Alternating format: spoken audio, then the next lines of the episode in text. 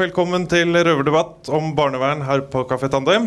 Jeg heter Simen. Jeg satt i Oslo fengsel i 2015 og 2016 og var med på Røverradioen fra innsiden de siste månedene.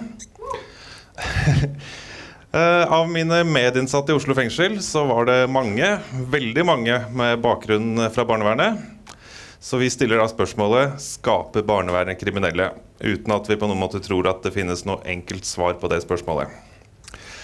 Eh, panelet vårt i dag består av Jan Store, som er eh, forsker på Institutt for sosialfag på Oslo Metropolitan University. Vebjørn Espeland, eh, som er journalist i NRK, som har lagd denne Barnevernsbanden podkast- og artikkelserien, som er meget god hvis man ikke har fått med seg. Så for å stilles til veggs må vi ha eh, statssekretær fra Barne- og familiedepartementet, Tom Erlend Skau.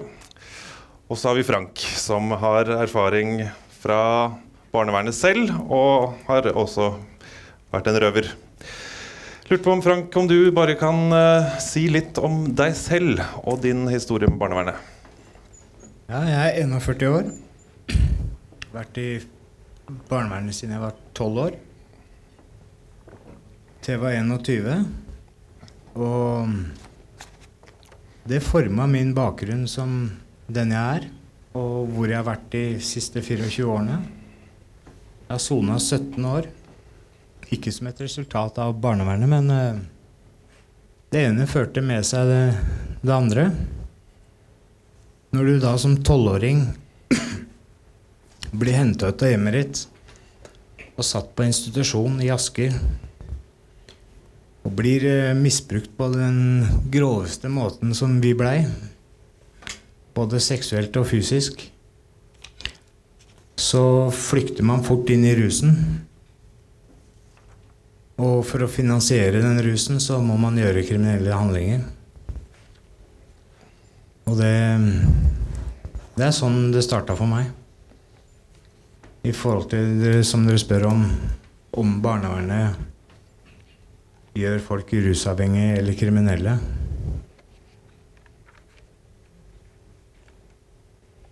Jeg har sona de 17 årene pga.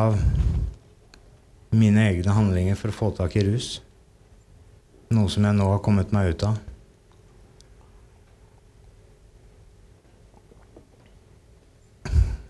Jeg vet ikke hvor dypt jeg skal gå inn i ting, men eh, jeg har aldri vært med på dette her før. Jeg har driti i buksa. Det er så mye mennesker. Syns du klarer deg veldig bra, Frank.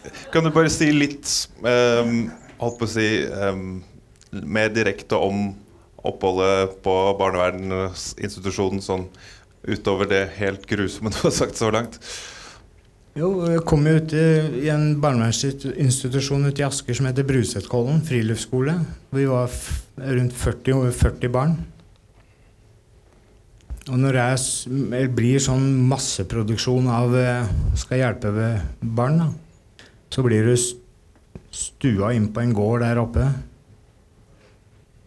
Og når de har da sjefen for Brusetkollen, som er en pedofil, som kan bare fleske seg rundt unger og gjøre akkurat som han vil, så 20 av dem har jeg møtt i fengsel. Seinest på forrige dommen i Halden. Eh, noen av dem er døde, som ikke klarte å leve med skammen. Det var min beste venn. Eh, han ble ikke tiltalt engang. Han ble ikke varetektsfengsla engang. Fordi at det kom opp noen år etterpå. Det at de eh, det var ikke grunnlag for varetektsfengsling. Det gjør noe med deg, da. Når du blir fengsla og får et års fengsel for én bilkjøring. Men å ødelegge fem barn så grovt som han gjorde, så ja, Det setter en del spor på deg og former deg til den, den, du er, da. Men eh, man kan ikke skylde på det resten av livet. Man må stå opp for det man gjør sjøl og ta ansvar for det. Og det har jeg faktisk gjort denne gangen. Men å, det stopper jo ikke bare der. Du blir jo sendt videre til en annen institusjon som heter Synnøves Minde oppe i Trondheim. det fortsatte jo der. Kanskje ikke på like grove måten, men eh, det endte jo med at eh, to-tre av dem fikk sparken der òg. Og det er ingen av dem som jeg kjenner som har klart seg i dag. Da tar vi eh, mikken, hvis du tar mikken, eh, Store, på andre siden. Hva tenker du om Franks historie og eh, Skal vi se Og hva slags forskning er gjort på, si, barn som har eh, vært på disse institusjonene? Nå er jo Franks historie selvfølgelig litt tilbake i tid, men hva vet vi eh, om barnevernet i dag? Jeg sier jeg blir forbanna på både dine og andres vegne som har opplevd sånn. Det skal ikke skje. Så, så enkelt er det. Uh, og jeg tror jeg reagerer med akkurat samme skal vi si, magefølelse eller, eller hva det er for noe som enhver annen som hører det. Uh, så spør du altså forskning på Hva var det du Si det en gang til. Altså, hva vet vi om uh, barn på, som er i disse barnevernsinstitusjonene? først og fremst? det er jo mange som har kontakt med barnevernet på si, mindre alvorlige måter. Men disse barna, spesielt de som blir plassert i barnevernet pga. deres egne atferdsvansker, men uh, også hva som skjer på disse institusjonene, også med de andre barna. Da, kan man si. Men Det korte svaret på hva vi har av forskning på hvis du snakker om de som er i institusjonene, altså mens de er der, så er det at det har vi veldig lite forskning på. Det er et uh, tynt område som forskningsmessig. Det er noe, Her i Norge for eksempel, så er det noe forskning som ser på ja, sånne enkeltelementer i det å bo på en barnevernsinstitusjon. F.eks. Uh, hvorvidt man uh, får medvirkning. Hvorvidt man har ålreite fritidsaktiviteter. Uh, systemet Det er f.eks. noe fra Trondheim som går på om systemene er rigide eller ikke. Men forskning på, på akkurat de barna og ungdommene som befinner seg i institusjonene, det har vi mye mindre av. Vi hører mest fra dem i noen relativt få studier som snakker om medvirkning. da. Syns du at du får lov å være med og bestemme? Men hvordan de har det, det har vi mindre på. Og da kan jeg jo også legge til, fordi at det som jeg, Et av mine hovedområder har jo vært hva som skjer med dem etterpå. Altså Når det kommer ut i voksenlivet. Da, da tenker jo jeg at det kan være noe poeng å hjelpe til å følge opp ettervern. Og Der har vi også relativt lite forskning i Norge. Det fins mer internasjonalt på det. Jeg har jo si, prøvd å se på den forskningen selv. Det er uh, ganske store sprik i når disse rapportene har kommet. Men du får arrestere meg på tallet her. Uh, 15% av gutter som har vært på barnevernsinstitusjon, uh, blir dømt for vold eller seksuelle overgrep før fylte 21 år. Høres det riktig ut? Jeg, jeg har ikke sånne tall med meg i hodet sånn sett. Men det er jo i så fall ganske ekstreme tall sånn eh, sett opp mot befolkningen ellers. Hvorfor blir det sånn? Jo, men, men, nettopp det, hvorfor blir det sånn, det er jo veldig sammensatt. Hvis du har bodd i en barnevernsinstitusjon og blitt dårlig behandla, så er det sannsynlig at det betyr veldig mye på den negative siden.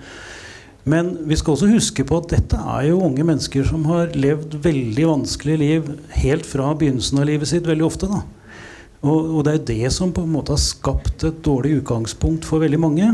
Og som noen, når de kommer inn i institusjoner og fosterhjem, eller, eller liksom får hjelp fra barnevernet mens de bor hjemme, for det fins en del ungdommer som får òg, så, så, vil noen av dem profitere på den hjelpa, og andre ikke. Så det, det, er veldig mange faktorer inne i bildet her. Altså. Men jeg tror nok jeg vil si at uh, når jeg snakker med Jeg har sjøl jobba mange år i institusjon. og Når jeg snakker med de gamle kollegene og vennene fra den tiden, så sier de jo at ungdom i dag har enda mer trøbbel i livet sitt når de kommer inn på institusjonen. Altså. Det er helt massivt hvor, hvor, mye de skal slite med i livet sitt. Hvis du gir mikrofonen til eh, Vebjørn. Eh, Frank sin historie ligger jo litt bak i tid, men du har jo nå laget dokumentar om eh, med noen barn eller nå unge voksne som har ganske nylig har vært innom systemet. Hva, Eh, ja, hva tenker du? Ja, de jeg har intervjua som har vært på institusjon, så har 100 blitt kriminelle. Så, men det er litt sånn dårlig, dårlig statistisk grunnlag. Um, Det jeg har sett på ikke sant? Jeg har jobba med dette feltet i bare ett år som journalist. Da, da får du en slags sånn overflat uh, metaforskning. Du går inn i det du finner av, uh, av avisartikler, av forskningsrapporter. Uh, det, det, jeg har funnet er, uh, på nettopp det her med kriminalitet, er en dansk studie fra 2010-2011 som, som, er ganske interessant. Sier, uh, de, de, artiklene jeg har lest om den, sier ingenting om hva normalnivået, uh, altså hvor mange vanlige danske ungdommer som blir kriminelle, men det, det, er jo selvfølgelig under prosenten, eller kanskje 1 til 2 Men av de som har eh, bodd hos fosterfamilie, dette er en studie på 18 000 barn, eh, så ble 7,5 eh, kriminelle. Og hvis man ser på de som har bodd på institusjon, så er det nesten 11% Altså det er 50% høyere sjanse på institusjon enn hos fosterfamilie. Eh, som jo er ganske voldsomme tall. Um, Dersom jeg skal liksom se på de historiene jeg har fulgt, så det, det gjelder øh, primært en um, gjeng med barnevernsbarn som ble samla i Kristiansand. Mange I 2010 eskalerte den gjengen til å stå bak den kanskje største krim- og ransbølga i norgeshistoria. Da var de 13-16 år gamle. Eh, den største barneransbølga i norsk eh, historie. Eh, unger som var bevæpna med balltre, kniver, pistoler. Begynte med å ranne baklager, stjeling. eskalerte en voldsom spiral til da å gå på busser og til slutt da bankran. Um, da kan dere se for dere 14-15-åringer med pistoler. Det, det, er jo absurd. Eh, eneste fellesnevneren de hadde, var at de ble sendt eller vokste opp på Sørlandet. Eh, og var innom eh, veldig mye av de samme institusjonene. Så at det er en slags uh, uheldig påvirkning i, i, institusjoner, at det ikke kanskje er hensiktsmessig å uh, samle mange med trøblete bakgrunn på samme sted, det trenger du kanskje ikke å være rakettforsker for å tenke. Nei. Da får vi ta det til rakettforskeren. Skau, hva tenker du om, om det Frank forteller, og eh, hvordan tenker dere om eh, ja, det overordna, kan man si?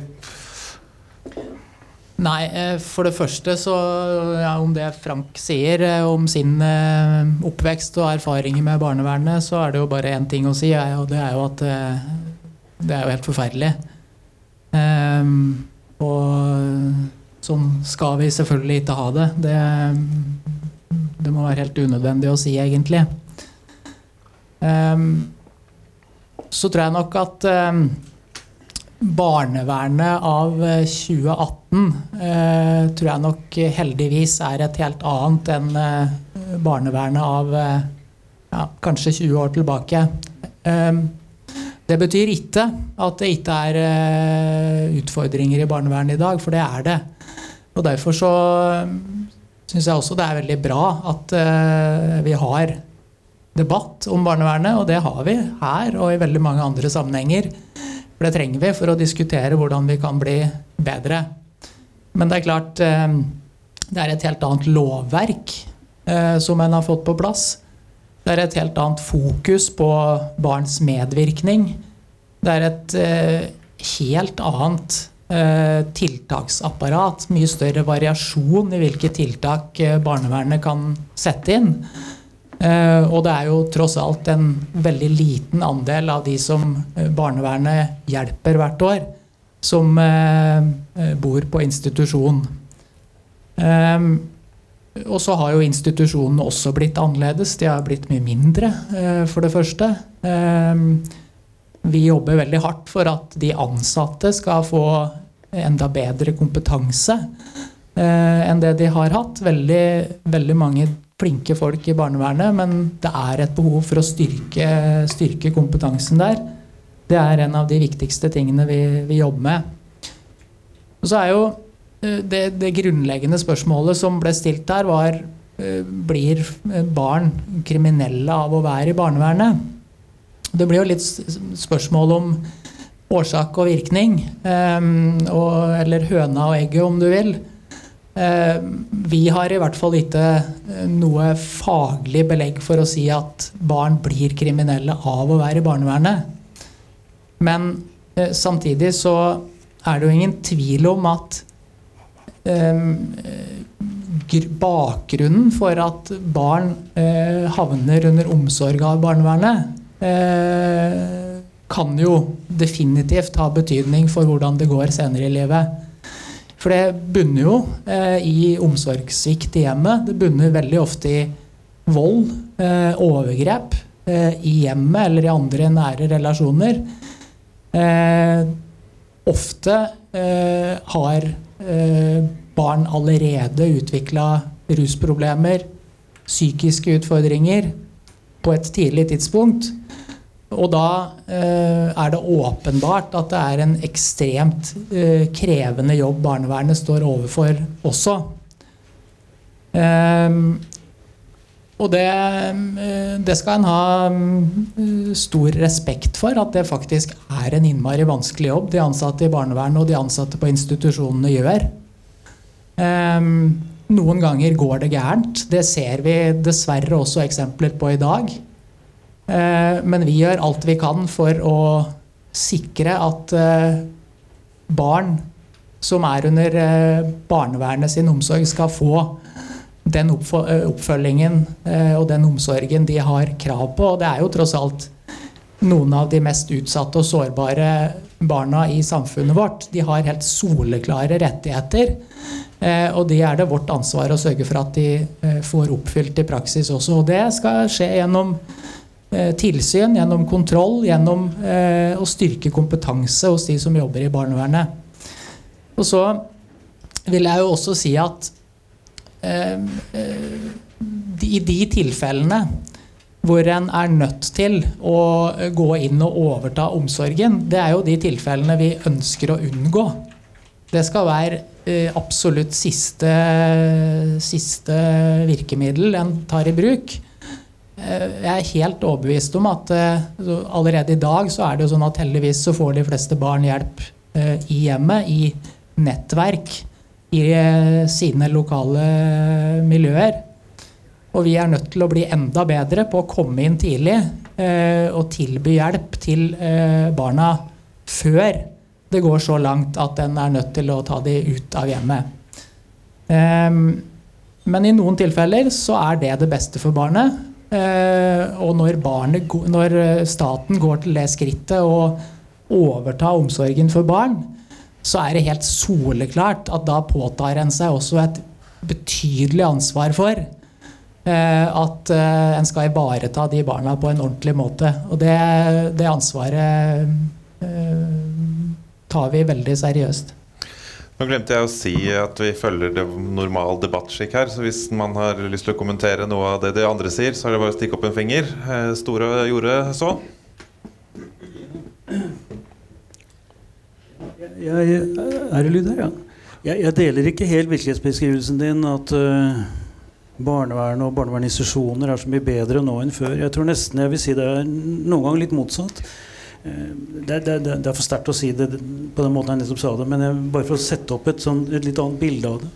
Jeg tror det drives enkelte steder veldig godt i dag. Og så ser vi da i, i denne dokumentaren du har laget Jeg, jeg har ikke fått følge med på alt av det, men iallfall noe av det så, så, ser vi at det er noen ting som er veldig dårlige i dag. Og noe av problemet har jo rett og slett vært at man har eh, bygd ned store deler av, eh, av institusjonsapparatet. Det skjedde i det første tiåret, altså fra 2000 til 2010 omtrent. Veldig mye. Og det var jo tverrpolitisk enighet om at vi skulle slutte med institusjoner. Jeg var en av de som debatterte mye og tok til orde for å beholde mye av det vi hadde. Utvikle det videre. Eh, og det skjedde ikke. Og det betyr at vi har mista mange gode miljøer. Og så har vi sett da, at allikevel så trengs institusjonsplasser, og så må man bygge opp litt sånn ad hoc. Og da er det veldig ofte sånn at man kan kjøpe plasser fra private leverandører okay, som, eh, som eh, koster mye penger. Så er det en del av de private som også driver rimelig og greit, og det er mye god kvalitet innimellom der også. Men når vi ser på dette med Sørlandet, det har i veldig mange år nå vært et problem at uh, det er enkelte steder, og det er kanskje særlig Sørlandet, hvor man samler opp veldig mye ungdom med ganske lik problematikk. Uh, og, og, og, alle som har vært i denne bransjen, har jo visst det hele tiden. Men det skjer likevel. Så det har noe med styringen av, av tiltakene å gjøre også. Altså. Og så hadde jeg lyst til å si at altså dette, Du nevner dette om å plassere sammen. Jeg sier at Du trenger ikke være rakettforsker for å at, vite at man ikke skal gjøre det. Nei, jeg er for så vidt Sånn tolka jeg det da. Jeg er for så vidt enig i det. At uh, man skal iallfall være forsiktig med å plassere sammen. Men må, altså det er mer komplekst enn det. Uh, det vi veit fra forskningen på dette her, er jo at det er et problem å plassere for mange i, på et sted. Særlig hvis de har for lik problembakgrunn, eller hvis de har for ulik problembakgrunn. Men tallet i seg sjøl er mer fleksibelt enn en, en som så. Altså. Nå har jo vi i Norge alltid hatt en altså alltid i moderne tid i fall, hatt en tradisjon om veldig små institusjoner. Så det problemet ikke så, har, har, ikke vært så stort i Norge. Selv om det fins enkelte unntak da, som er større. Men de store institusjonene i Norge de har jo gjerne vært fleravdelingsinstitusjoner. Hvor, hvor, det har vært småavdelinger på kanskje to, tre, fire, fem, seks eventuelt ungdommer på ett sted. Da. Så bildet er så mye mer komplekst enn ja eller nei. Uh, det, det vil iallfall jeg legge inn, da. Frank, hva først? Vi skal jo ikke lenger tilbake enn i fjor sommer, når jeg satt i Oslo fengsel. Hvor at en eh, barnevernsgutt, eh, han var vel 14, knapt 15 år, måtte sove hos oss, eller være hos oss i Oslo fengsel. Fra fredag til mandag. For han hadde fått en 48 timers eh, bortvisning fra Oslo sentrum, for de klarte ikke å holde styr på han. Vil du snakke litt nærmere? Hører man han? Da var det en 15-åring, jeg tror han var 14 eller 15, som ble satt i Oslo fengsel i en hel helg fordi han hadde bortvisning fra Oslo sentrum. Og barnevernet ikke kunne hente den. Da hadde de ikke noe annet valg enn å sette den sammen med oss.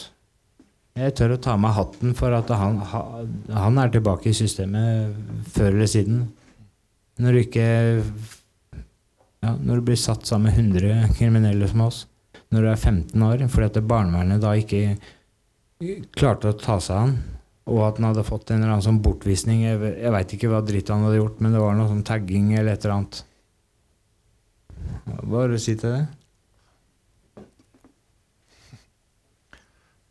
Nei, det skal jo ikke skje. Eh, altså jeg må jo forutsette at eh, han i hvert fall var over 15, fordi det er jo den kriminelle lavalderen. Og er du under 15, så skal du i hvert fall ikke i fengsel.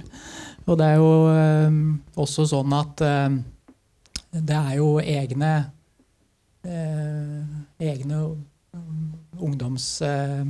Tar du mikrofonen litt nærmere? Så. Ungdomstilbud der de ikke skal settes sammen med andre kriminelle. Og det, det er jo derfor en har oppretta det. Men, men det er en problemstilling eh, med eh, unge som også er under 15 år, men som fremdeles begår grove kriminelle handlinger. For det er det en del som gjør, selv om de er under 15 år. Um, og i Norge så, så, kan vi ikke fengsle de som er under 15 år. Um, og sånn skal det være. Og barnevernet er jo ingen kriminalomsorgsinstitusjon. Barnevernet har i utgangspunktet ingen eh, muligheter til å bruke de maktmidlene som en har i en kriminalomsorgsinstitusjon. Og de skal ikke ha det heller. Barnevernet skal yte omsorg for barn. Men når en da ser at eh, ikke minst her i Oslo, at politiet og barnevernet melder om at i en del miljøer eh, så ser en nå at det er eh, barn eh, under 15 år som allerede er fullbefarne kriminelle. så er det en enorm utfordring for både barnevern og politi hvordan en skal ta hånd om de på en ordentlig måte. For de kan ofte være til fare for de ansatte i barnevernet. For seg sjøl og for de de er sammen med. Um, og vi er nok nødt til å se på om vi rett og slett er uh, nødt til å etablere noen nye typer uh, boformer og tiltak for akkurat den gruppa. For der uh, ser vi at de dessverre faller litt mellom to stoler i dag. Mellom politiet, som på sin side ikke har noe egnet tilbud eller måte å håndtere det på, og barnevernet, som heller ikke har det. Bjørn hadde fingeren oppe.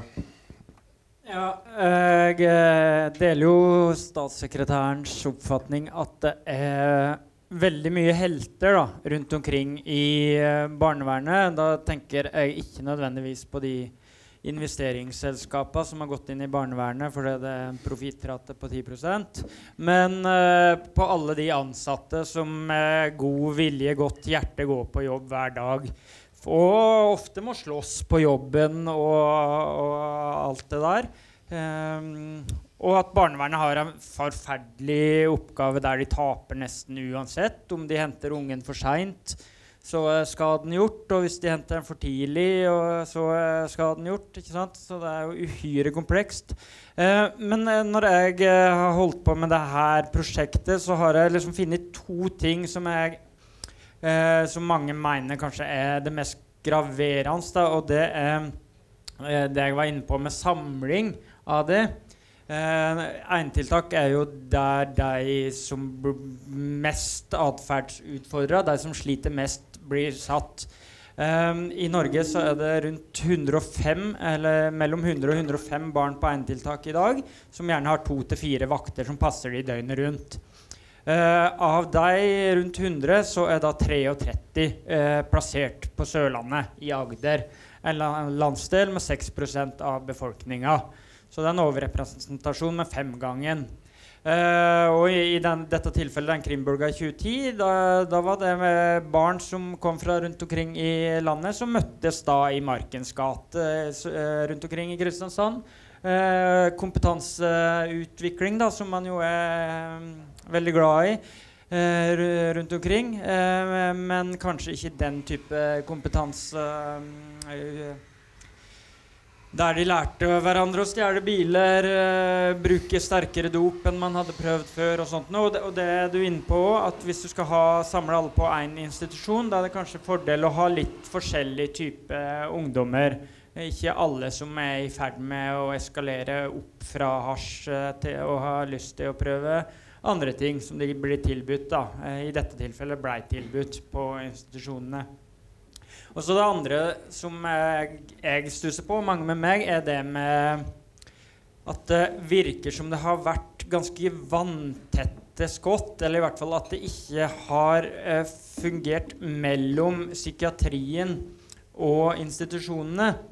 Eh, når NTNU i 2015 eh, fant ut en undersøkelse som viste at 76% av alle barnevernsbarn eh, sliter med, med, psykiske problemer, og bare 38% en tredjedel nesten, eh, har fått eh, hjelp de siste månedene, det syns jeg er tragisk. Statssekretæren ville kommentere det. Ja, for der er du inne på et kjerneproblem og en uh, utfordring som definitivt er reell. Uh, det var jeg jo litt inne på selv også, at det er uh, enormt mange av de som trenger hjelp i barnevernet, som også har psykiske utfordringer. Samarbeidet mellom helsetjenesten og barnevernet har vært altfor dårlig. det er det ingen som helst tvil om. Derfor er det også noe av det aller viktigste vi jobber med, å sørge for at de skal samarbeide tettere. Det kan eh, i kommunene noen eh, ganger skje ved rett og slett at en samlokaliserer seg. Eh, eller i hvert fall at en har et mye tettere daglig samarbeid. Og på institusjonsnivået så er det nettopp derfor vi nå er i ferd med å opprette to nye omsorgs- og behandlingsinstitusjoner eh, som nettopp eh, skal være for de som eh, trenger psykiatrisk behandling samtidig som de må ha omsorg fra barnevernet. Så det er jeg helt enig i at uh, har vært og er en utfordring. Og det, er derfor vi også gjør de tingene. Eh, gå til eh, store. Både jeg og Frank, eh, og for så vidt de andre også, eh, har nevnt rus. Vi vet jo godt du og jeg at sammenhengen mellom rus og kriminalitet ofte, det går ofte hånd i hånd. i hånd. Hva vet vi om eh, rusbruk på barnevernsinstitusjoner? Vi, vi, har jo litt ulike institusjoner, men i all hovedsak så er de norske barnevernsinstitusjonene åpne barnevernsinstitusjoner. Altså ikke med lukkede dører, ikke sant. Vi har øh, veldig lite lukket, og da, da, er vi inne på et par akuttinstitusjoner som kan ha lukkede dører i korte perioder og sånt nå, fordi det er korte opphold. Da. Men det er åpne institusjoner, og dermed så er jo veldig mange av de institusjonene ikke så godt egna til å jobbe med en, eh, en, gruppe hvor rus er veldig viktig. da. Altså Hvis rus er en stor del av livet til ungdom, så kan det godt hende at uh, da skal det ikke være mer enn kanskje maks én i en gruppe, eller kanskje nesten ingen. Fordi da, hvis noen skal ut og ruse seg, så har man rett og slett ikke lov å, å ta dem i skulderen og stoppe dem, så å si. Det som kanskje foreldre ville gjort hjemme. Så, så har vi jo hatt uh, noen sånne tradisjonelle tiltak som har holdt på i mange år. F.eks. Tyrili-kollektivet oppe på Lillehammer sant, som har jobbet mye direkte med rusungdom. Og de har jo hatt uh, muligheten til å hente inn i større grad, iallfall tidligere. Jeg er ikke helt sikker på hvordan lovverket er der nå, altså om de driver på samme måten. Men det har blitt vanskeligere å gjøre. Sånn at disse ungdommene som har trengt at noen henta dem, de har kanskje ikke alltid hatt, noen mulighet, altså hatt voksne som kunne hente dem. da. Så rus er en veldig problematisk uh, side av saken. Men det er klart alle som jobber med ungdom, alle som har ungdom hjemme, vet jo at ungdom er i, i rus, utkanten av rusmiljøer, får tilbudt rus osv. Så, videre, så det er jo noe alle må forholde seg til. Det er jo ikke spesielt for, for disse ungdommene her. Takk. Jeg sjøl var 13 år første gang jeg eh, lukta på hasj. Det var jo på den institusjonen. Vi googlet, eller Jeg googla den nettopp. Det er fremdeles like mange plasser der nå. Det er fire ansatte på kvelden. Åssen skal de kunne klare å passe på 19 ungdommer? Uh, vi alle, vi som har sittet inne, veit jo at én person på én avdeling kan vippe en hel avdeling. Åssen skal du forholde deg da til hvis det er tre bråkmakere da, på, på, institusjonen. Det er fire ansatte som skal passe på 19 barn. Det, det, er jo ikke bra. Det er jo ikke noe mindre. Det styret er jo stifta 1.1.99. Jeg har akkurat sjekka det. Og Nei, jeg veit ikke hva jeg skal si. Nei. uh, Vebjørn var først. Uh, jeg intervjua han som var leder for um, Sankthansgården, som den uh, institusjonen i Kristiansand hette, hvor mange av disse i den såkalte barnevernsbanden uh, mer eller mindre ble utdanna, i hvert fall ble samla. Uh, og um, han hadde jobba i barnevernet i en 20 år, utdanna psykiater. Um, så tenkte jeg å spare det litt sånn eh, no, Noen av de konfronterende spørsmåla, da, f.eks. at alle jeg hadde snakka med, sa at det florerte av dop innpå denne institusjonen. Uh, og det samme ble sagt i et radioinnslag jeg fant fra 2010. Så spurte jeg men det er mange som sier at det florerte av dop der. Så sier han ja, ja, ja det gjorde det helt sikkert. Og han var sjefen for hele institusjonen. Uh, det gjorde det. Uh, og vi hadde ikke anledning til å ransake. Vi hadde ikke anledning til å, å stenge gutta eh, hver for seg inn på rommet. Uh, vi ville monitorere hva de holdt på med rommet, på rommet, for vi visste jo at de planla rus, drev med rus og planla kriminalitet. men der kommer rettighetene inn igjen, da, og det er jo selvfølgelig kjempeviktig at barna har eh, rettigheter. Så det er jo uhyre komplekst, uh, uten at jeg skal prøve å skissere noe fasitsvar på det her. Uh, bare skildre det. Uh, så året etter så slutta han i en slags avmaktsfølelse og frustrasjon. Du sitter med mikrofonen, Skaug. Skulle du bruke den? Altså eh, Dette med rus på institusjoner, det kan jeg jo bare si meg enig i at det er en kjempeutfordring for de som jobber på institusjonene også. Fordi ja, eh, de har med svært begrensa muligheter til å gå inn og kontrollere. Eh, og, ja, barn i omsorg av barnevernet har helt klare rettigheter. Eh, og ja, Store har jo helt rett i at eh, barnevernet har nok eh, færre muligheter til å gripe inn i forhold til den typen utfordringer enn det foreldre normalt sett ville ha gjort i hjemmet. Så det er, det er krevende når barnevernet overtar omsorgen for barn som også har store rusproblemer. Det, det må en bare erkjenne. Eh, og så til det med bemanning i barnevernet. Så ja, barnevernet er eh, en relativt liten tjeneste. Sammenligna med veldig mange andre offentlige tjenester, som helsetjenesten f.eks., så er det få ansatte. Eh, og de har mye å gjøre, eh, fordi det er eh, 50 000-60 000 barn hvert år som trenger hjelp fra barnevernet. Derfor så har det også vært viktig å sørge for at det blir eh, flere ansatte, eh, og det har det også blitt. Eh, siden 2013 så har barnevernet fått over 1100 flere ansatte, og det er nesten en økning på 25% Så det har vært en ganske sterk økning, men jeg tror nok hvis du spør de som jobber i barnevernet, så vil de si at de har veldig mye å gjøre og veldig stort ansvar. Eh, det har de. Det er en eh, kjempekrevende jobb. Eh, og ja, vi skulle absolutt ønske oss enda flere ressurser til barnevernet også. Store? Jeg, jeg, blir, jeg blir veldig forbanna på de alle som driver dårlig, fordi at det er mange som driver bra. Og, og det er det vi på en måte også må prøve å fokusere på. Og så hadde jeg veldig lyst til å si til deg altså du, nå, nå- nevner du navnet på konkrete institusjoner. og de er jo ikke her til å forsvare seg. Akkurat Brusetkollen har jeg vært på besøk der et par ganger. Jeg tror det er en god institusjon i dag. Det er mitt bilde. Jeg vet ikke så mye mer at jeg kan Jeg har bare lyst til å legge inn det. Og jeg tror ikke det er fire stykker på 19 på en vanlig kveld. Der, eller på en kveld. Det har de rett og slett ikke lov til. Og hvis det skulle være sånn at det er det, da må tilsynet dra dit nå med en gang. Hvis de hører det, hvis de gir noe. For det er ikke lov. Så jeg, jeg tviler på at den opplysningen faktisk stemmer. Også.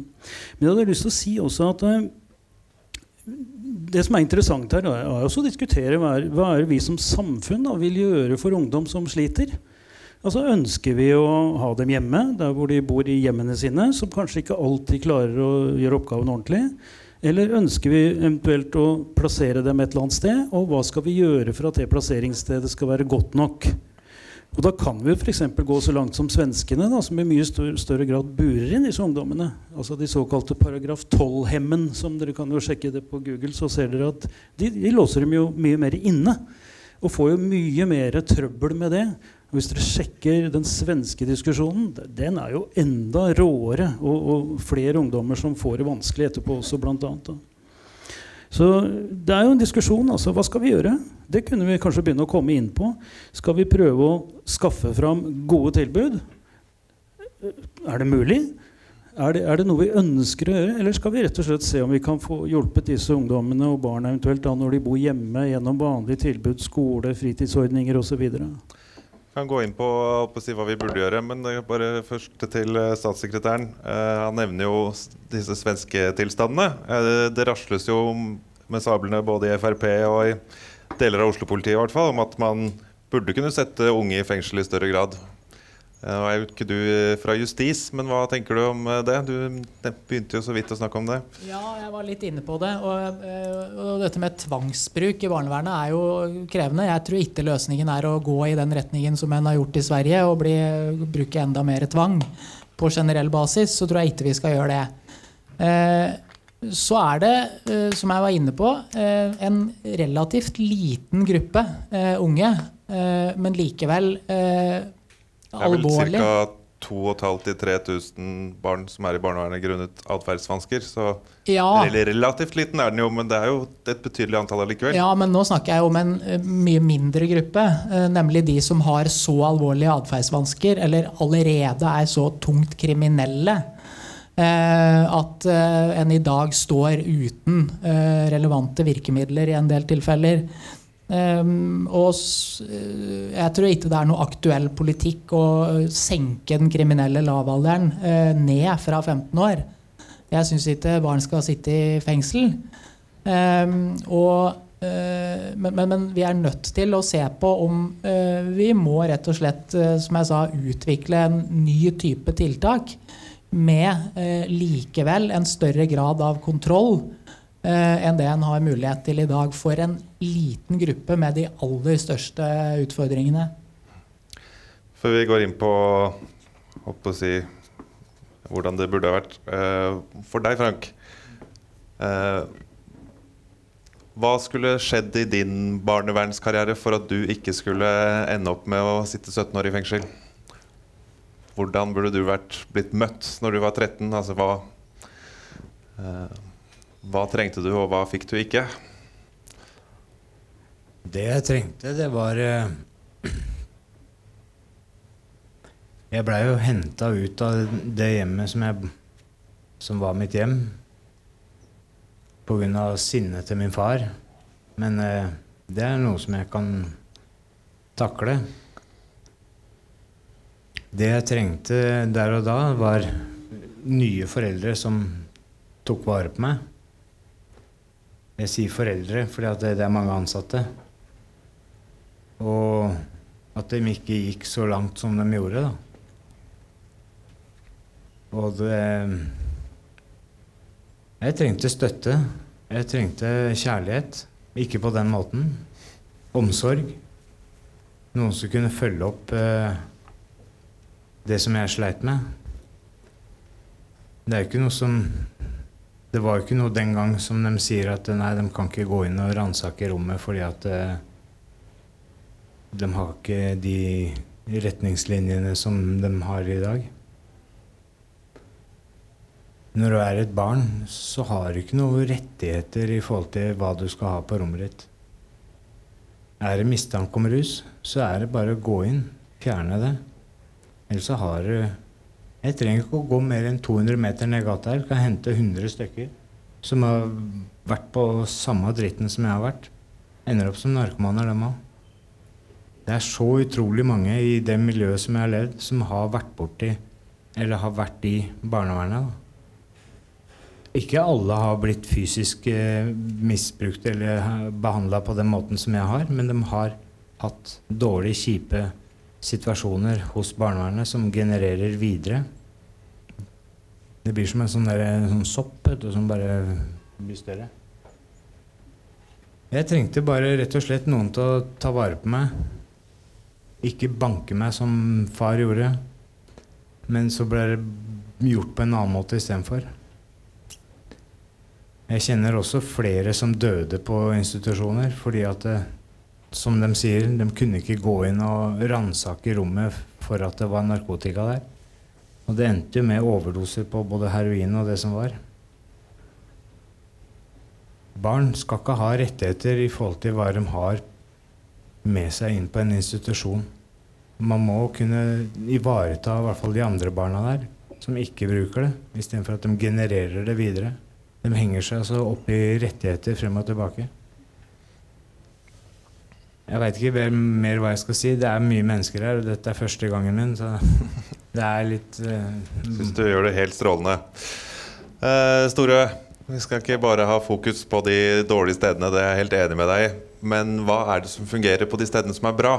Uh, for dette er en del av disse ungdommene er, jo, er jo vanskelig for uh, samfunnet å takle. Altså, hva, hva er status der hvor det er bra? Er det små grupper? Er det hva, hva, hva er det som er riktig?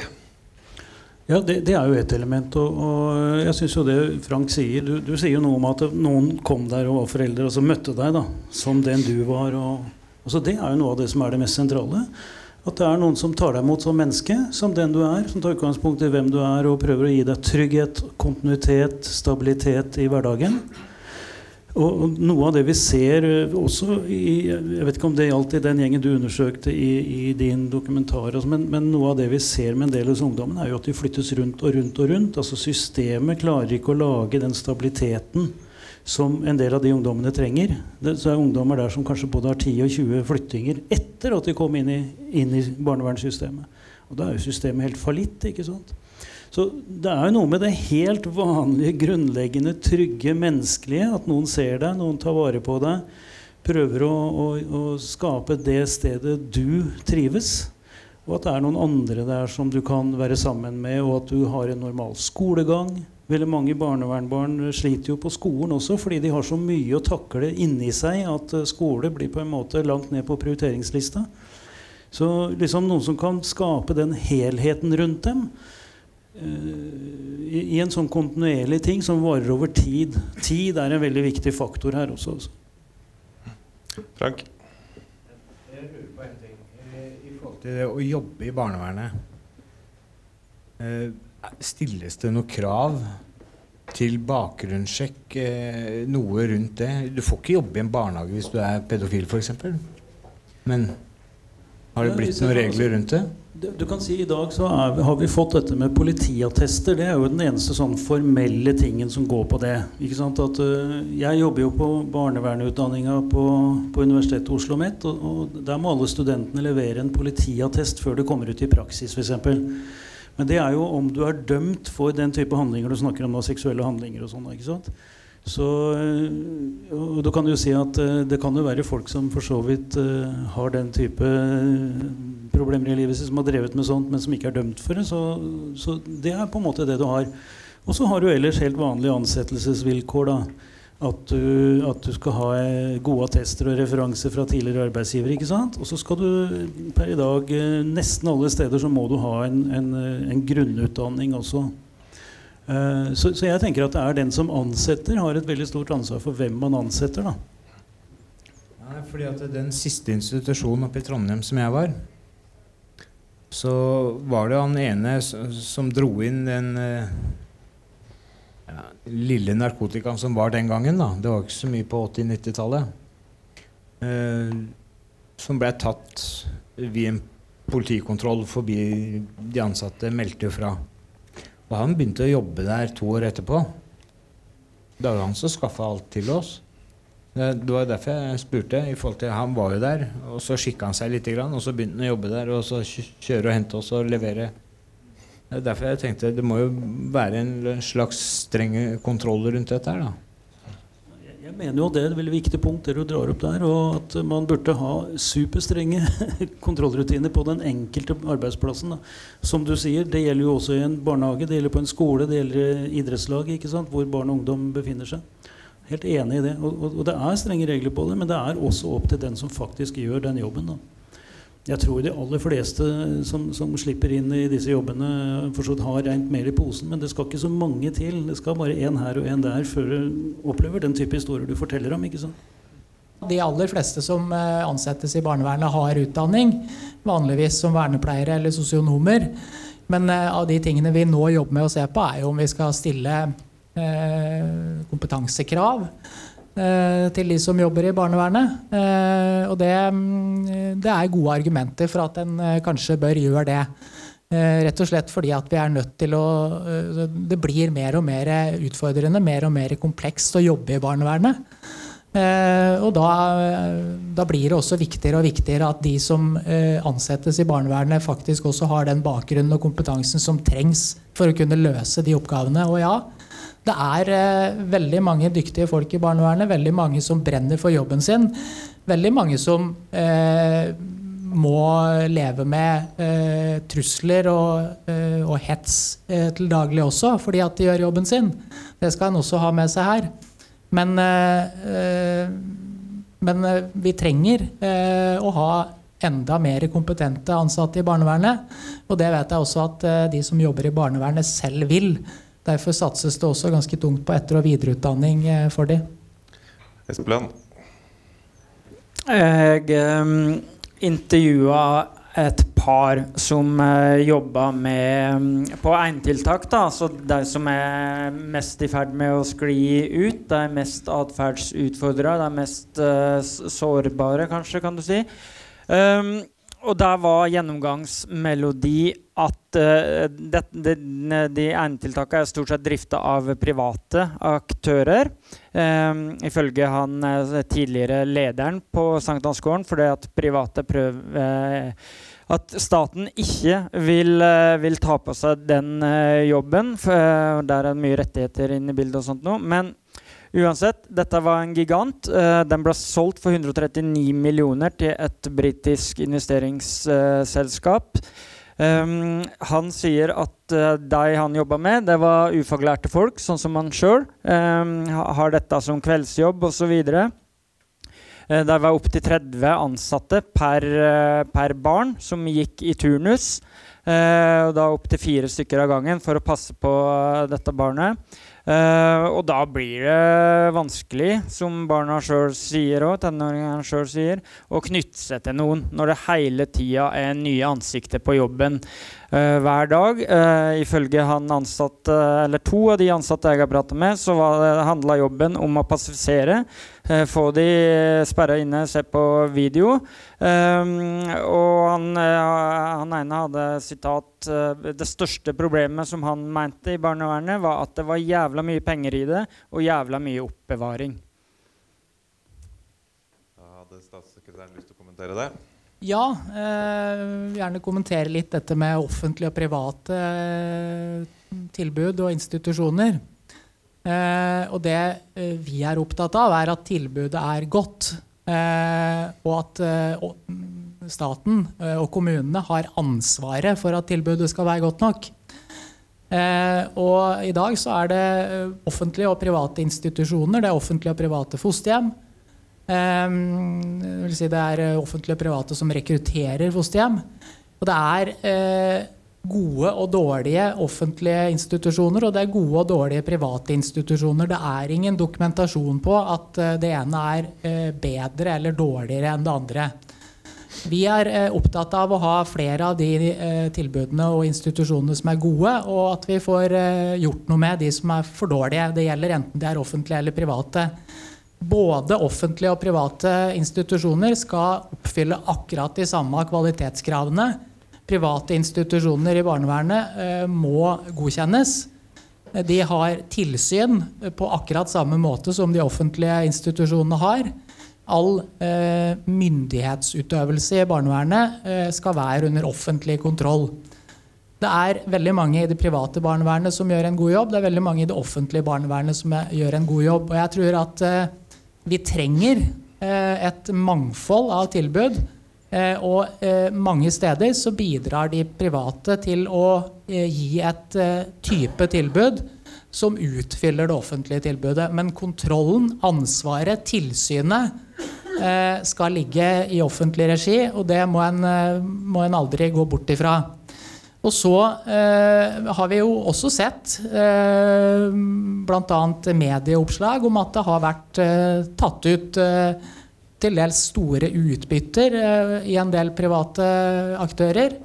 Derfor har vi eh, sett det som nødvendig å foreta en skikkelig gjennomgang eh, av hvordan økonomien ser ut hos de private aktørene. Fordi vi er klinkende klare på at de midlene som bevilges til å hjelpe sårbare og utsatte barn, de skal gå til å hjelpe sårbare og utsatte barn. Og de skal ikke gå i lomma på, eh, på de som driver disse selskapene. Og Derfor gjør vi den gjennomgangen, for vi må forsikre oss om at pengene går dit de skal. Det er godt å høre. Vi skal til Storø straks, men først skal vi si tusen takk til Vebjørn Espeland, som eh, dessverre må forlate oss. Eh, kommer du med noen blomster og sånne lekre Røverradio-T-skjorter, som for så vidt er til salgs på nettsidene våre, så må dere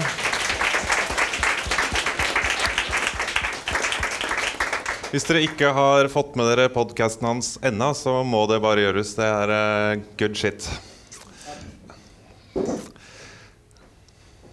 Ja. Du får bare begynne mens han uh, kler på seg. Jeg, jeg skulle for så vidt, mens du går ut og kommenterer det du nettopp sa i det forrige innlegget om altså institusjoner med veldig mange ansatte og, og målsettinga nærmest er å passifisere. Jeg, blir veldig forbanna når jeg hører om sånt. Altså det, er, jeg vil si Dette er jo ikke en barnevernsinstitusjon, det er en eller annen konstruksjon av noe annet som uh, man bør få lagt ned snarest mulig hvis virkeligheten er på den måten. For meg så ligner det på om det skulle være en kirurgisk avdeling hvor kirurgen ikke vasker seg på hendene før de opererer. Altså det, det, det, det holder ikke. Så jeg, jeg, skjønner ikke, men jeg hadde lyst til å si litt mer om dette med atferd. fordi det, det, det, er sånn Når man snakker om atferd, så er det veldig ofte at vi snakker om det som om det er en egenskap ved de individene det handler om. Og det vil jeg påstå, det er det ikke. Altså Atferd skapes ut ifra hvilken virkelighet du lever i, hvilke relasjoner du har, altså hvordan situasjonen rundt deg er. Og hvis du har en trygg og god situasjon, så trenger du kanskje ikke å dra opp denne problematiske atferden, f.eks. å slå noen eller rømme, eller hva det nå måtte være. Så jeg tenker at altså, Hele poenget her er jo å skape situasjoner hvor, som fremmer gode måter å være på, og ikke de dårlige måtene å være på. Og når du sier oppbevaring, ja, det er jo ikke noe rart det. Hvis oppbevaring og passifisering fører til vanskelig atferd. Det er jo helt åpenbart. En sluttreplikk. Eh, eh, den ene institusjonen som eh, en av mine hovedintervjuobjekter var på, den ble jo stengt av tilsynet. Den ble slakta på alle punkt, tilsynspunkter. Ble stengt. Kjempefint. Meråker. Det samme selskapet som drifta den institusjonen i Meråker, ansatt eh, om eh, solgte barnevern til staten for jeg tror det var to milliarder kroner i fjor. Eh, det er Wallenberg-familien, de svenske milliardærene, som eh, er tungt inne der. Takk for meg.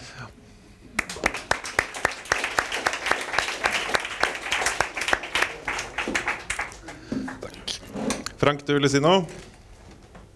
Jeg tenkte å kommentere litt uh, i forhold til det du sa, at, uh, at det skal være så godt. Hvorfor er det så mange av oss som havner der vi gjør? Hvis det er så bra? Kan bli med meg ned til Oslo fengsel, så kan vi gå innom cellene der, så kan du høre. I hvert fall halvparten av dem har, har vært i en eller annen form for barnevernsinstitusjon. Ja, nei, jeg har aldri sagt at alt er bra i barnevernet. Og jeg har aldri sagt at uh, en lykkes i alle tilfeller, dessverre. Um, og det er derfor vi også trenger å ha diskusjon om barnevernet. Uh, og derfor er jeg glad for at vi har det her og i veldig mange andre sammenhenger. samtidig så tror jeg at barnevernet kan eller bør ta ansvar for alle tilfellene der det går dårlig med barn og unge. Fordi, som jeg var inne på tidligere, det er veldig mange og sammensatte årsaker til at de gjør det. Det handler om oppvekst. Det handler om eh, den omsorgen eller mangelen på sådan en får. Eh, det handler om rusproblemer, det handler om psykiske problemer, det handler om eh, veldig mye forskjellig. Så det å, å, å si at barnevernet er skyld i øh, den skjebnen veldig mange får, Eh, det mener jeg blir for enkelt. Men eh, samtidig eh, ingen tvil om at det er et forbedringspotensial i barnevernet. Det ser vi jo. Vi ser at det er tilfeller der barn ikke får den omsorgen de har krav på. Og det må vi slå ned på. Institusjoner som ikke fungerer, de må vi gjøre noe med, og i verste fall stenge. Og det skjer jo Eh, og når tilsynet eh, finner sånne eksempler, så jobber jo de nettopp på oppdrag fra oss eh, for å nettopp slå ned på svikt. Og vi er nødt til å ha et godt tilsyn både fra Fylkesmannen, Helsetilsynet, fra kommunene som har ansvar for det kommunale barnevernet. Og vi må ha oversikten over at, hvor det svikter, sånn at vi kan gjøre noe med det. Jeg, jeg, tror du har rett i det, Frank, når du sier at det er en del folk i, for i fengslene, men også i leilighetene rundt omkring i byen, ikke sant? som har dårlige erfaringer. Og, og det syns jeg vi skal ta på alvor. Men jeg kunne godt tenke meg altså, likevel å fortelle en litt motsatt historie. Da. For, for et par år siden så ble jeg invitert til en uh, middag. Og det var noen, uh, noen ungdommer fra en institusjon jeg har jobba på for mange år siden. Eh, vi var en fem-seks stykker som hadde jobba på den institusjonen. Og disse var jo begynt å komme litt opp i åra, sånn rundt 40. 40-åra. Så det er en stund siden. Og Vi hadde en, eh, en lørdagskveld på en restaurant her i Oslo hvor vi snakka, og de var veldig sånn, de ville snakke med oss gamle, de voksne, som vi ble kalt. Og det var en aften på liv og død, altså hvor eh, virkelig eh, Jeg syns det var så gripende, fordi av de jeg tror det var 18 stykker, så var det fem stykker som var veldig tydelige på at jeg hadde ikke sittet her hvis ikke jeg hadde kommet på den institusjonen. Eh, jeg, jeg, altså det var livreddende, sa den ene etter den andre. ikke sant? Og jeg syns de historiene også fortjener å komme fram. Og en av dem sa jo også det at altså, Hvordan skal jeg liksom tenke om mitt liv? da? Jeg hører hele den debatten som foregår ute. Gjelder ikke de erfaringene jeg har gjort meg? da? Jeg som faktisk fikk hjelp, liksom. Men, men, dette var jo en god institusjon, og da jeg begynte å jobbe der, så visste jeg det var en god institusjon, og det var derfor jeg valgte å bli der også. Så jeg, jeg syns det er viktig å si noe om god og dårlig. Og jeg syns vi skal ta de dårlige stedene, virkelig filleriste dem. Det er også veldig viktig. da. Ja, nei, vi skal ikke Jeg har vært i fem eller seks forskjellige institusjoner. Og den ene institusjonen i Bærum, Solvang Jeg husker ikke helt navnet på den. Eh, det var helt, helt ok. Det var en veldig Kan du si hva som gjorde at den utgjorde en forskjell?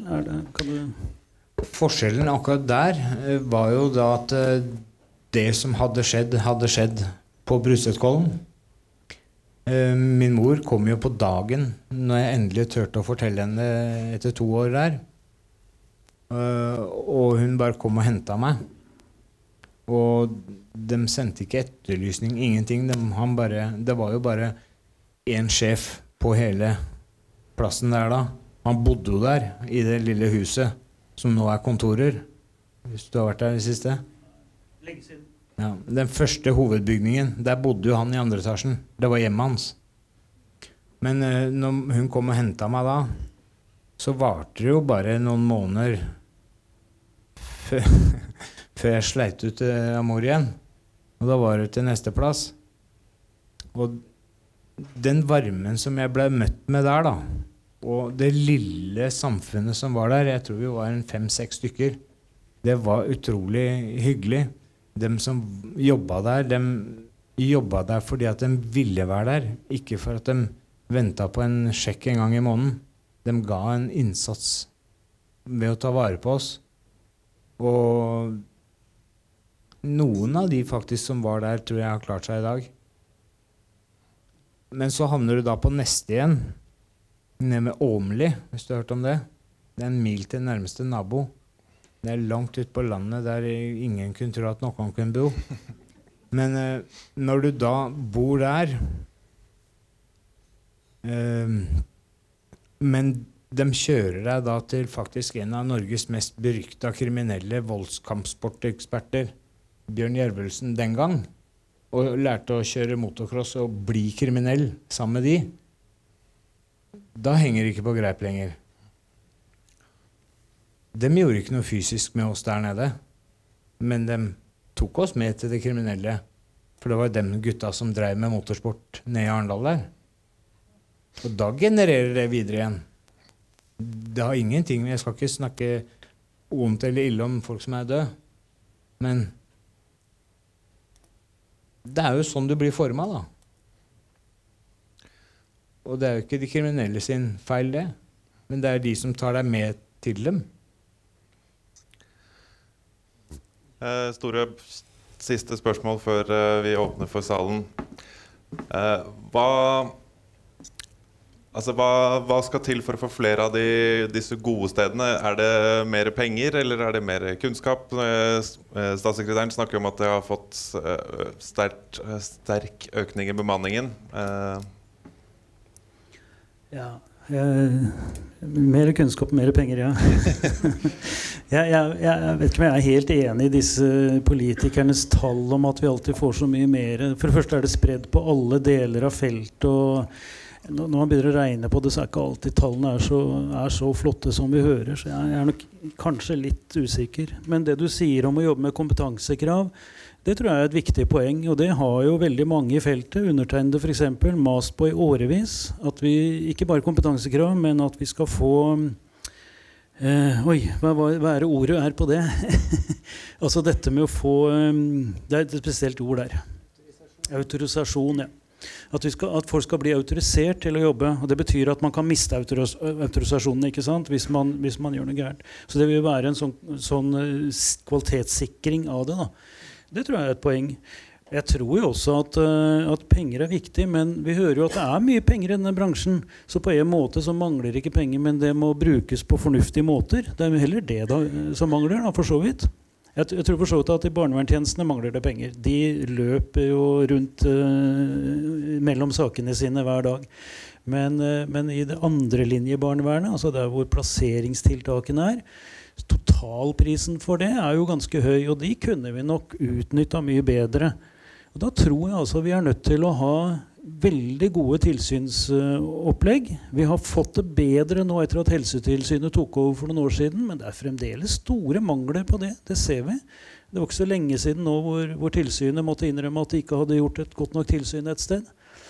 Og så tror jeg på, på, opplæringsdelen veldig viktig, og ikke minst på lederopplæringer på institusjoner f.eks., som vi har snakka mye om nå. da. kan du uh, ta den andre statssekretæren. Ja. Så kan du bare si kjapt kommentere. Ja, Hvis du kan klare, klare, å holde det litt kort. Og så si skal... kanskje noe om hva dere tenker om fremtiden. Og så kan de som vil stille spørsmål, komme hit. Ja, jeg, skal, jeg, kan gjøre det ganske kort. Jeg er helt enig med Storøy i at det trengs eh, både penger og kompetanse. Men kompetanse koster også. Eh, og derfor så bruker vi ganske mye penger på kompetansebygging. Eh, og det er vi nødt til å fortsette med å gjøre framover også. Eh, og så trenger vi å, å, styrke barnevernet med mer ressurser. Men jeg er, også, jeg er helt enig med Storøy at det er først og fremst ute i kommunene at det trengs. Og det er derfor vi også har gjort det. Det er derfor staten direkte finansierer over 1000 stillinger i det kommunale barnevernet. Så det er jeg helt, eh, helt enig i. Og noe av det aller viktigste vi gjør, eh, som jeg har vært litt inne på tidligere, det er å eh, komme inn tidligere. Eh, hjelpe barn tidlig eh, i hjemmet, i lokalmiljøet, i nettverket, sånn at en slipper eh, å ta over omsorgen og plassere de på institusjon. At vi, vi må gjøre det i færrest mulig tilfeller. Da tar vi en, et siste spørsmål før vi runder av. Mitt navn er Magnar Visnes. Eh, jeg har selv vokst opp i et eh, hjem med grov omsorgssvikt og mye vold. Men jeg blei heldigvis ikke tatt av barnevernet, så derfor ble jeg idrettsmann og fengselsbetjent. Jeg er etatsutdanna fengselsbetjent og har jobba som det mange herrens år, inntil for noen år siden. Og det som jeg da stussa over, det var jo akkurat det som er tema nå i dag. Altså, Hovedandelen av de mannlige kriminelle som jeg da har hatt på en rekke fengsel, det er alltid fra Oslo kretsfengsel, avdeling B, det er Åna kretsfengsel, det er Bastøy, det jeg var med å starte opp Trøgstad kretsfengsel, og jeg har mange år bak meg på Ila landsfengsel. Hovedandelen av de mannlige innsatte som har et rusproblem, dem har faktisk en fortid fra barnevernet. Hvordan kan dette ha seg? Skau sier her sånn at det er masse traumer og masse problemer eh, før barnevernet kommer inn i bildet. Og henviser til at omsorgsovertagelser det skjer bare som siste instans. Dette er jo grovt usant, Skau. Jeg syns det er, må nesten være litt flaut. Jeg må følge eh, Jane, Jane Kile her sånn, om du har lyst til å trekke tilbake til de orda. I hvert fall all statistikk som jeg ser og har lest, så er grov omsorgssvikt basert på vold og rus det er langt mindre enn 10 vi har, Hvis vi sammenligner oss med lignende land i Europa, så har vi mangegangen på akutte omsorgsovertakelser. Hvordan kan det ha seg? Og vi ser faktisk nå at det er ingen slags form for forskning på dette området. Det finnes ingen statistikker. Jeg har hatt kontakt med SSB for å prøve å få ut statistikk. Hvordan det ligger an med barn eller med kriminelle med rusmisbruk i fengsler. Hva som er bakgrunnen for dette i forhold til barnevern og i forhold til oppvekst uten fedre. Nei, var ingenting. Ingen verdens ting. Og når vi da bruker altså nå straks 30 milliarder kroner i året på barnevern, og da regner vi at det er de direkte utgiftene Hva med alle de indirekte utgiftene fra etter 18 år? Hvor mye har Frank kosta samfunnet etter at han ble 18 år? Er det med i denne utgiftsposten på snart 30 milliarder kroner? Det blir snakka om at vi skal ha så høy omsorg, eller så høy kompetanse Men altså, det finnes jo ingen kompetansekrav i dag for å jobbe som saksbehandler i barnevernet. Det finnes ingen autorisasjon. Det finnes hauger av folk som ikke har utdannelse som ligner engang, som bekler disse stillingene. Og, og, og da blir det helt merkelig. Men det som jeg har lyst til å utfordre deg på nå, Skau, siden det er så innmari lite forskning på dette Jeg er etatsutdanna fengselsbetjent. Jeg kan når som helst kle på meg uniforma. Jeg stiller meg her og nå til rådighet for dere til å foreta en forskning på dette. Jeg får lov til å være med på å lage og forme disse spørsmåla, og jeg skal frivillig ta på meg å gå i alle fengslene i Norge og opprette kontakt med de innsatte. Og så skal vi få en ordentlig forskning på dette. Jeg kan stille hvor som helst mandag morgen klokken åtte. Tar du utfordringa? Ja, vi trenger definitivt mer kunnskap. Ingen tvil om det. Um, men jeg opplever nok fortsatt at uh, uenigheten ikke er så stor som det det framstilles som. Fordi alt dere sier, peker jo i retning av det jeg sier også er det viktigste målet vårt med barnevernstjenesten. Um, og det er at, uh, at vi er nødt til å gjøre noe med kompetansen. Eh, vi er nødt til å få på plass eh, kompetansekrav. Vi er nødt til eh, å få ned antall akuttvedtak. Vi er nødt til å hjelpe flere i hjemmet. Ja, det er et mål å unngå at barn blir tatt under omsorg av barnevernet. Det skal være siste utvei. Og jeg tror det er, det er mål vi kan være helt enige om.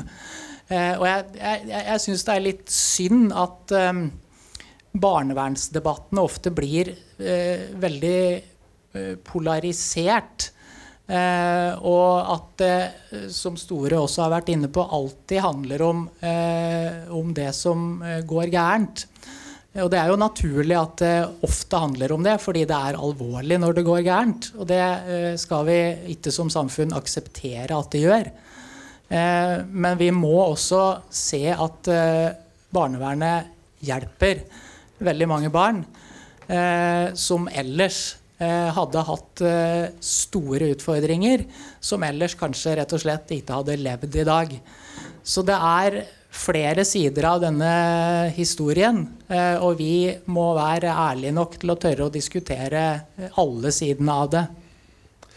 Jeg er sikker på Skau, at hvis du setter deg ned med prøveradiovenn og statssekretær i Justisdepartementet Knut Morten Johannessen, så klarer dere å finansiere forskningsprosjektet til herremannen. Krysser vi fingrene for. Jeg syns vi skal si tusen takk til debattantene, spesielt til Frank, som sitter her for første gang.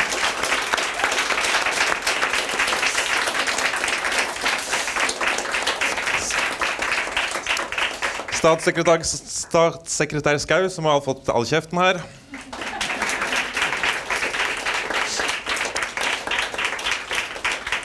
Og til Jan Store. Tusen takk for at dere kom. Det blir en røverdatter, en røverdebatt til i desember. Vi er ikke helt ferdig med temaet, men hvis dere følger oss på Facebook, så får dere det med dere. Takk for i kveld.